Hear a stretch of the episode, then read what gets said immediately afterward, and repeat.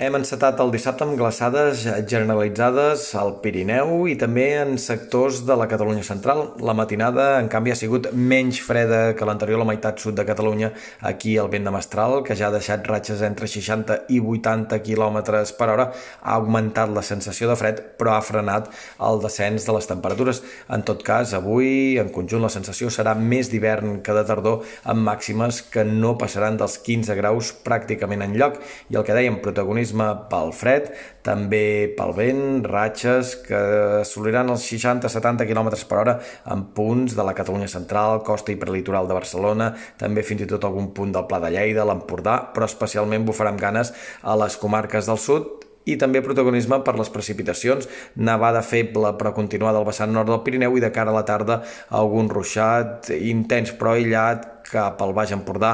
el Maresme o la Selva. Per demà el vent continuarà bufant amb ganes, fins i tot guanyarà intensitat a les comarques del sud. La nevada continuarà sent continuada al vessant nord del Pirineu, però es podria estendre especialment cap al tard a la resta de la serralada i l'ambient serà fins i tot més fred que avui.